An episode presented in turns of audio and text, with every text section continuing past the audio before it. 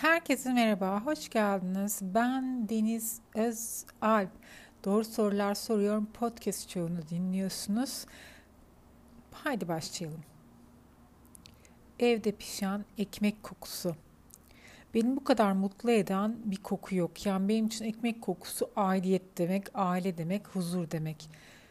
Uzun zaman bunun çocukluğumdan bu yana annemin ekmeği evde yapmasıyla alakalı olduğunu düşündüm ki ben de e, ne zaman eve evde hissetmek istesem ya da aidiyet duygusunu pekiştirmek istesem evde muhakkak ekmek yaparım ve bu beni çok rahatlatır. Yani bazı şeyleri daha net görmemi sağlar, e, sakinleştirir. Böyle etkisi vardır. Annemin evde ekmek yapmasının ve bendeki aile kavramının hikayesi kısmen doğru. Kısmen ise haz ile ilgili. Bu kısmı da benim için yeni yani. 3-4 yıldır bildiğim kısmı. Daha önce romantikleştiriyordum işte. Annem ekmek yapıyordu çocukken. Biz uyanıyorduk. Ekmek hazır evde işte. Ev ekmeği yiyorsun falan. Bu hikayeleri anlatıyordum. Kendime anlatıyordum öncelikle ve o hikayenin içinde yakaladığım aidiyet ve aile kavramlarını bir ekmek kokusuyla tekrar tekrar kurmaya çalışıyordum. Ama atladığım bir kısmı vardı. O da haz. Hazı nasıl hissederiz derseniz size biraz dopamin hormonundan bahsetmek istiyorum.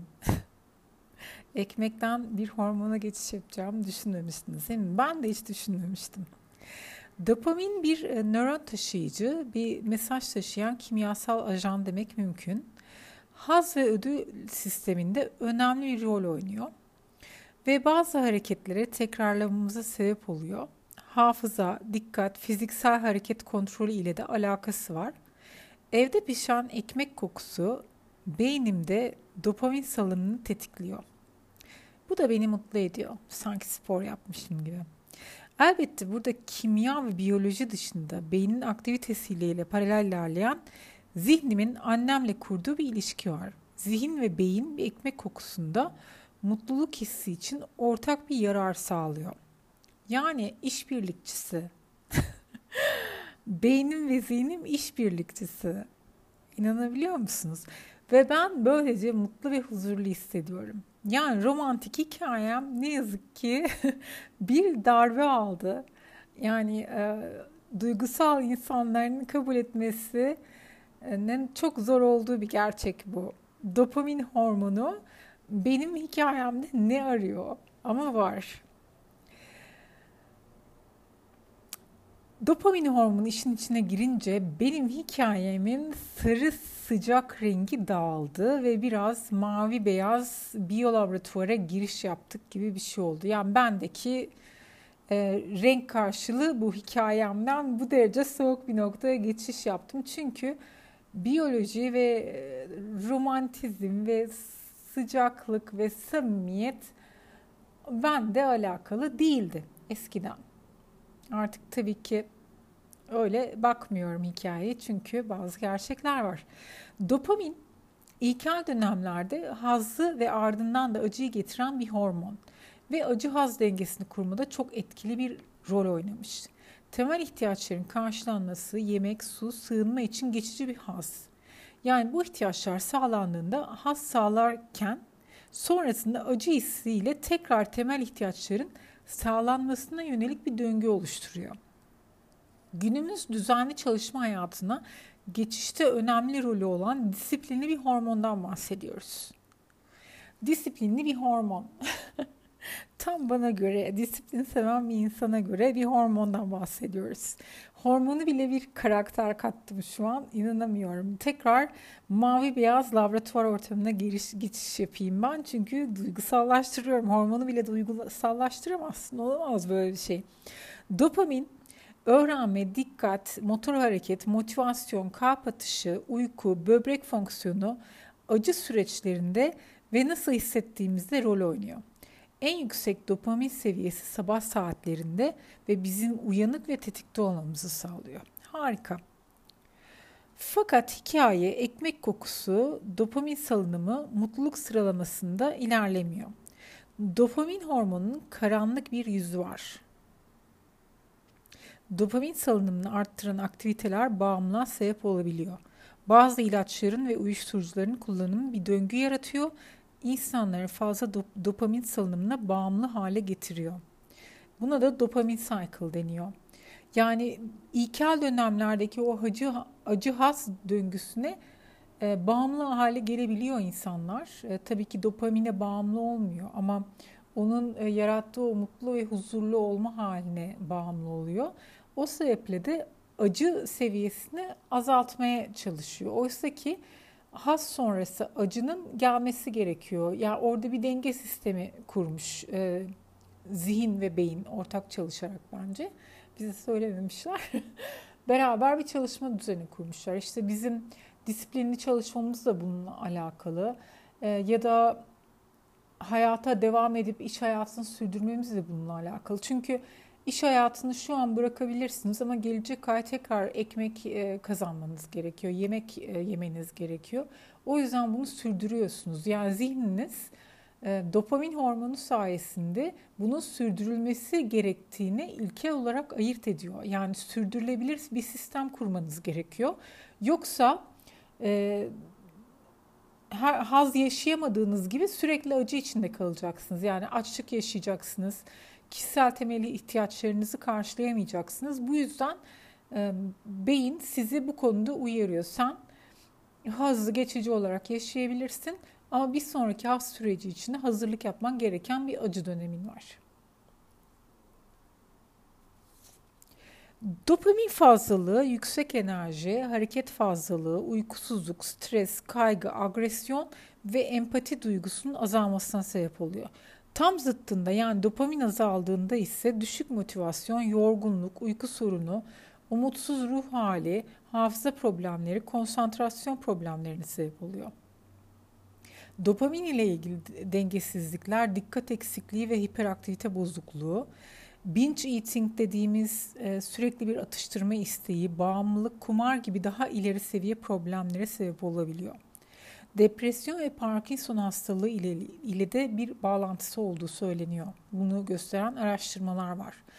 Dopamin dengesizliğine sebebiyet veren e, çok fazla teknoloji kullanımı ki biz bunun içerisindeyiz. E, aşırı yemek yemek, sağlıksız alışkanlıklar, beynin kimyasallarında genel olarak fonksiyonlarını yerine getirememesine sebep oluyor. Bizi iyi hissettiren tüm hormonların zamanla fonksiyon dışı kalmasına sebep oluyor. Yani iş sadece dopaminle de bitmiyor.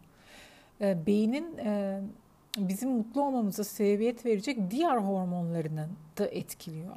Yani sistem birbirini etkileyerek ilerliyor.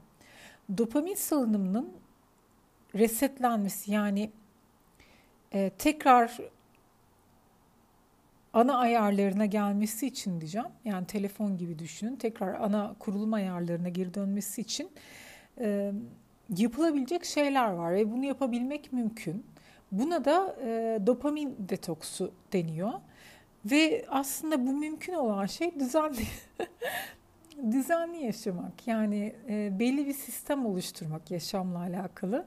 Dopamin yine size disipline dayatıyor. Yani eğer sen disiplinli olmazsan doğru beslenmezsen e, üzgünüm e, bu dengesizlikler olacak ve bu dengesizlikler işte depresyondan tut da uyku problemlerine, stresin artmasına kadar hatta binge eating dediğimiz e, yeme bozukluğuna kadar seni sürükleyebilecek diyor. Böyle bir hakimiyet, böyle bir hormon. Sinirim bozuldu. Ve evet yani şunu yaparsanız dopaminlerini ana kurulum ayarlarına getirebiliyoruz. Egzersiz yapmak tabii ki. Düzenli bir uyku. Yani aynı saatlerde yatmak, aynı saatlerde kalkmak. Mümkünse bunu sirkadiyen ritme göre yapmak. Yani sabah güneş doğarken uyanmak, güneş batımından sonra uyumak. E, dengeli ve düzenli beslenmek. Yani 3 öğünse 3 öğün, 5 öğünse 5 öğün. Sizin sisteminiz neyse hangisi size iyi geliyorsa ama aynı saatlerde kaliteli yani besin değeri yüksek gıdalardan beslenmek. Meditasyon, müzik dinlemek, uyaranları azaltmak. Nedir uyaranlar? Teknoloji, sosyal medya, Instagram. ve oyun. Bu uyaranları azaltmak, sınırlamak. Canımız bir kurabiye istediğinde ve yediğimizde gelen mutluluk gerçek. Ve dozunda bir haz yaşıyoruz. Sonra canımız ikinci kurabiyeyi istiyor. İkinci kurabiye yediğimizde biraz daha haz hissediyoruz. Ki bu da mümkün. Canımız çok istedi ve yedik. Sonra çok geçmeden üçüncü kurabiye elinizde.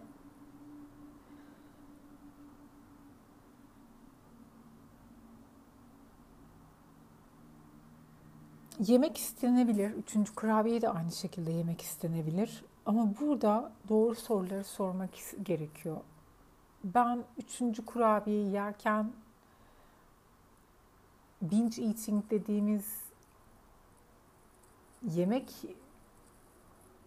e, tırtıklama eylemine mi giriyorum yoksa gerçekten canım o gün tatlı istiyor. Mesela regil dönemindeyim kadınlar için söylüyorum canım tatlıyı aşerdiği dönem ve o tatlı kesmedi bir iki kurabiye kesmedi üçüncüsünü yiyorum mu? Bu durumu iyi sorgulamak gerekiyor diye düşünüyorum. Yani burada hikaye şu değil, yanlış bir aktarım olmasın. Hayır, kurabiye yiyemezsiniz, bir tane yiyeceksiniz, ikinci yiyemeyeceksiniz değil. Ee, hikaye şu, diyelim ki siz tabağınıza 3 tane kurabiye yediniz ve kendinize bir tatlı porsiyonu hazırladınız. Okey, problem yok. 3 kurabiye yediniz ve istediğiniz o tatlı krizinizi giderecek hazzı aldınız hikaye o üç kurabiye, üç kurabiye yedikten sonra gidip gelip e, birer birer kurabiye mi aşırıyorsunuz? Ondan sonraki bir davranışınızda bir e, davranış bozukluğu var mı? Orada tepkisel bir durum var mı? Onu anlamak gerekiyor. Yoksa oturup kurabiye yemek ya da 3 adet kurabiye yemekle alakalı bir şeyden bahsetmiyoruz. O davranışı tekrarlı olarak yapma isteği, yapma eğiliminden bahsediyoruz burada. O sebeple karışmasın diye altını çizmek istedim. İşte bu e, o kurabiye yedikten sonra dopamin salınının artması, istediğimiz o hazzı yaşadıktan sonra aniden gelen düşüş ve o hissettiğimiz acı ile beraber tekrar o hazzı yakalama isteği. İşte binge eating dedikleri kısım bu. Bu tabii ki duygusal sebeplerle de olabiliyor ama hormonal sebeplerle de olabiliyor. Önemli olan kısmı bu. Ama daha da önemli olan kısmı kendinizi gözlemleyebilmek. Yani benim yeme bozukluğum mu var yoksa ben tatlı istedim ve koyduğum bu porsiyona sadık kaldım ve bununla doydum mu var ya da belki doymadınız, ikinci bir porsiyon aldınız. Ondan sonra konuyu kapattınız. Orada bir problem yok. Ama tekrar tekrar tekrar gidip oraya e, yiyip şey yapıp e, tekrar e, hazınızı canlandırmak için ard arda binge eating mi yapıyorsunuz? Bunları gözlemleyebilmek ve anlayabilmek önemli. E, bence tüm hastalıklarda, tüm rahatsızlıklarda kendimizi gözlemlememiz gerekiyor. Farkında olmuyoruz bazen. E, o atıştırmalıklarda ne kadar yediğimizin, ne yediğimizin çok ayırdığında olmuyoruz. Belki üzerine de düşünmek istemiyoruz. Belki çok kötü bir gündeyiz. Stresli bir gündeyiz ve onu hak ettiğimizi düşünüyoruz. Olabilir. Olabilir. Yani kötü bir günü öyle geçirmek de isteyebilirsiniz. Bu insanların e, o anki savunma mekanizmasıdır. Bu da olabilir. Ama bu tekrarlıysa ve sürekli yaşanıyorsa Orada bir soru işareti koymakta fayda var. Bir kendinizi gözlemlemekte fayda var. Yani etiketlemeden. Bu bir binge eating mi? Bu bir duygusal yeme bozukluğu mu? Bu bir, bir şey mi demeden kendinizi gözlemlemeniz gerekiyor. Yani bu anlattıklarımı yüzde yüz doğru ve ben böyle bir şey yapıyorum. O zaman bununla alakalıdır olarak algılamayın. Beden e, kompleks bir yapı. Sistem o kadar basit ilerlemiyor ve sistem sadece biyoloji üzerinden de ilerlemiyor biz zihinsel aktivitelerimizden, duygu durumumuzdan da etkileniyoruz. O yüzden bunu çoklu düşünmek gerekiyor. Yani çok taraflı bakmak gerekiyor. Sağlığa tek taraflı bakamıyorsunuz. Ee, eğer o kadar e, kolay olsaydı her hastalığın çözümü olurdu. Ee, fakat duygusal, zihinsel, biyolojik aktiviteler hepsi bir arada ilerliyor ve kompleks bir şekilde ilerliyor. Panik yapmaya gerek yok. Kompleks olması, karmaşık olması anlamına gelmiyor.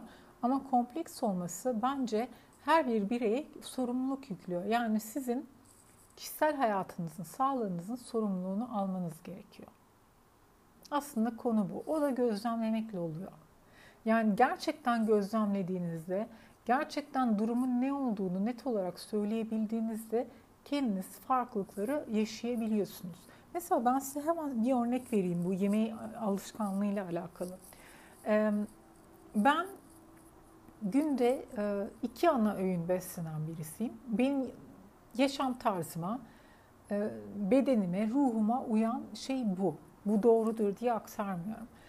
Arada da atıştırmalıklarım oluyor. Yani ya benim işte çikolata atıştırmalığım var. Genelde de bu bitter oluyor. Bitter çikolata seviyorum. Ya da kuru yemiş atıştırmalığım var. Ve bunları tüketiyorum. Ana öğünlerimin dışı, dışında. Ama diyelim ki bu atıştırmalığım eğer 2-3 e, atıştırmalığa çıktıysa ve benim günlük e, işte insülin salınımını etkileyecek yeme alışkanlığım iki ana öğün e, ve bir atıştırmalık değil de iki ana öğün 3-4 atıştırmalığa dönüyorsa bu benim ruhsal dünyamı etkiliyor. Ve hemen benim o döngüden çıkmam gerekiyor. Çünkü e, vücudumdaki insülin salınımını o kadar etkilediğim zaman bende iyi bir hikaye oluşmuyor, iki iyi bir senaryo oluşmuyor. O sebeple de e, ben yemekleri net ve zamanlı bölmede e, çok dikkatliyim ve akşam belli bir saatten sonra da yemek yememe tarafındayım. Çünkü yemek yediğim zaman da ben kötü etkileniyorum ve bunları da tabii ki size söylediğim gibi gözlemleye gözlemleye öğrendim. Yani kendi ruh dünyama e, yediklerim etki ediyor mu? Nasıl etki ediyor? Hangi saat aralıklarında etki ediyor? Çünkü ben erken uyanan bir insanım. İşte en, en geç 12'de uyumayı seven bir insanım. Diyelim ki gece geç yemek yediysem direkt uyku düzenim bozuluyor. Ben saat 3'e 4'e kadar uyuyamıyorum. E, vücudum onu hazmedemiyor. E, çok yoruluyor. Çünkü belli bir düzeni var. Ona alışmış ve o düzeninden çıkarmış oluyorum onu. Gibi gibi durumlar var. Yani belli bir standarda disipline alıştırınca vücudu onun dışında hareket ettiğinizde sizi zihinsel olarak nasıl etkilediğini de anlıyorsunuz. Eğer belli bir standardınız yoksa hayat içerisinde e, sağlıkla alakalı bir standart oluşturmak gerekiyor. Yani hormon sağlığınız için de zihinsel ruhsal aktiviteleriniz için de e, bu gerekli bir şey. Bunu yaptığınız zaman belli bir beslenme düzeni oluşturduğunuz zaman ki vardiyalı çalışan insanlar için bu çok zor ya da mesai çok kolay insanlar için çok zor. Ee, ama imkansız değil. Ee, belli bir düzen oluşturulabilir. Belli bir saat dilimine göre yaşayabilirler. Belli bir düzen oluşturduktan sonra vücudunuzu daha rahat takip edebiliyorsunuz. Ve bence bunun e, çok geç olmadan oluşturulması gerekiyor. Yani 30'lu yaşlarınıza geldiğinizde net bir e, yaşam döngüsü oluşturmuş olmanız yaşlılık süreciniz için önemli. Daha sonra e, sağlığınızı takip edebilmek bireysel anlamda çok kolay bir hale gelecektir. Çünkü sizin normal rutinlerinizin, düzeninizin dışında bir şey oluyorsa bedeninizde kolaylıkla fark edersiniz. Ama rutin bir beslenmeniz ve düzeniniz yoksa bunu anlayabilmek, oradaki hormon dengesizliklerini, değişikliklerini ya da başka kronik rahatsızlıkları anlayabilmek zorlaşacaktır. Vücudunuzu tanı tanımak için vücudunuzu disipline etmeniz gerekiyor. Benim yaklaşımım bu. Yani benim fikrim. Ee, ben sistemleri, metotları bunun üzerinden anlatıyorum. Ee, vücudu hareket ve beslenme ile alakalı belli bir düzene oturtmaktan yani belli bir disiplin içerisinde yaşamak üzerinden anlatıyorum. Ee, bu yapıldığı zaman e, çoğu stres konusunda ve e, ruhsal e, yani sizin depresif olmanıza yatkınlık sağlayacak durumlarla alakalı çoğu kilidi açmış ve bir düzene oturtmuş oluyorsunuz. Daha psikolojiye ve tıbba gelmeden. Daha sonra tabii ki eğer kişinin ihtiyacı varsa psikolojik destek ya da diyetetik desteği ya da işte tıpla alakalı iç hastalıklarından tutun da onko, e, nörolojiye kadar herhangi hangi bir departmanla alakalı desteğe ihtiyacı varsa kişi oradan destek al, e, alabilir ama önemli olan kendi öz disiplinini oluşturmasıdır. Bu bahsettiğim alanlar ve disiplinler de farklı bir şey söylemeyecektir. Aynı hikayeyle gelecektir.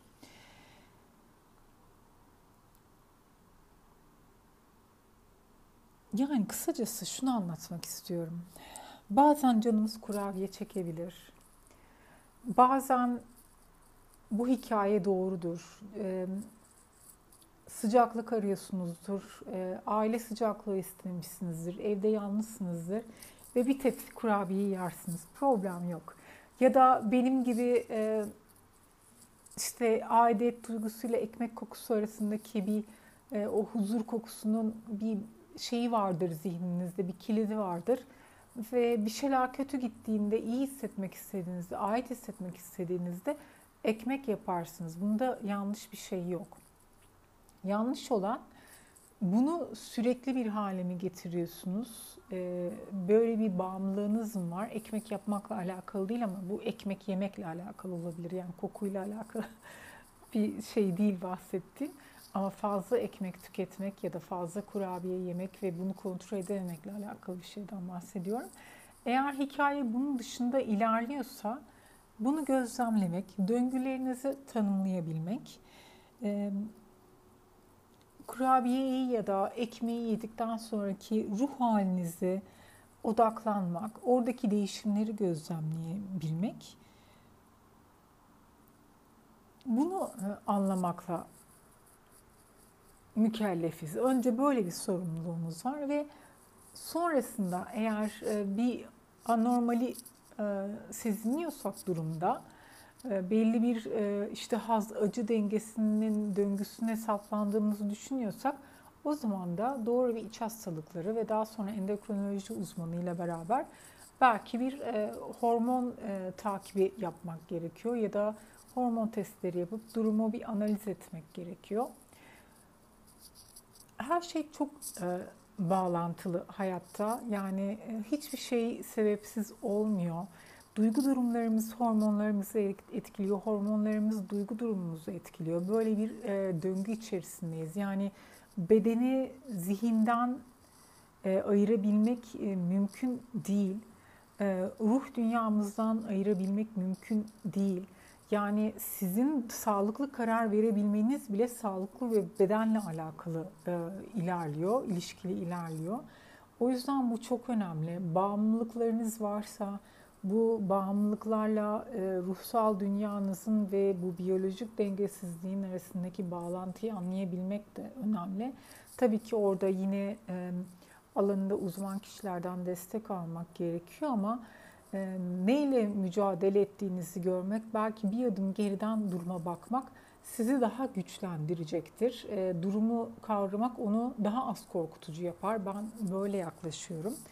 Daha az korkutucu olabilmesi için de hayatın, bedenin, e, ruhun dalgalanmalarının bir disipline ihtiyaç var. E, bence herkesin anlattığı şey, e, konuştuğu alan ne olursa olsun, benim gibi wellness olabilir, diyetetik uzmanı olabilir, iç hastalıkları uzmanı olabilir, endokrinoloji uzmanı olabilir, psikiyatr olabilir, psikolog olabilir. Herkes size bir düzen, hayat düzeni ve disiplinle gelecektir. Bu çok önemli. Yediğimiz, içtiğimiz çok önemli. Yediğimiz besinler artık bazı ülkelerde ilaç yerine reçete ediliyor. İlaç yerine size e, işte üç öğün şu kadar sebze yemelisiniz diye reçete yazıyor doktorlar. Çünkü bazen çözüm bu kadar basit. E, ama bu bütün sistemin, modern tıbbın daha farklı bir bakış açısı getirmesi demek ve bu yavaş yavaş geliyor.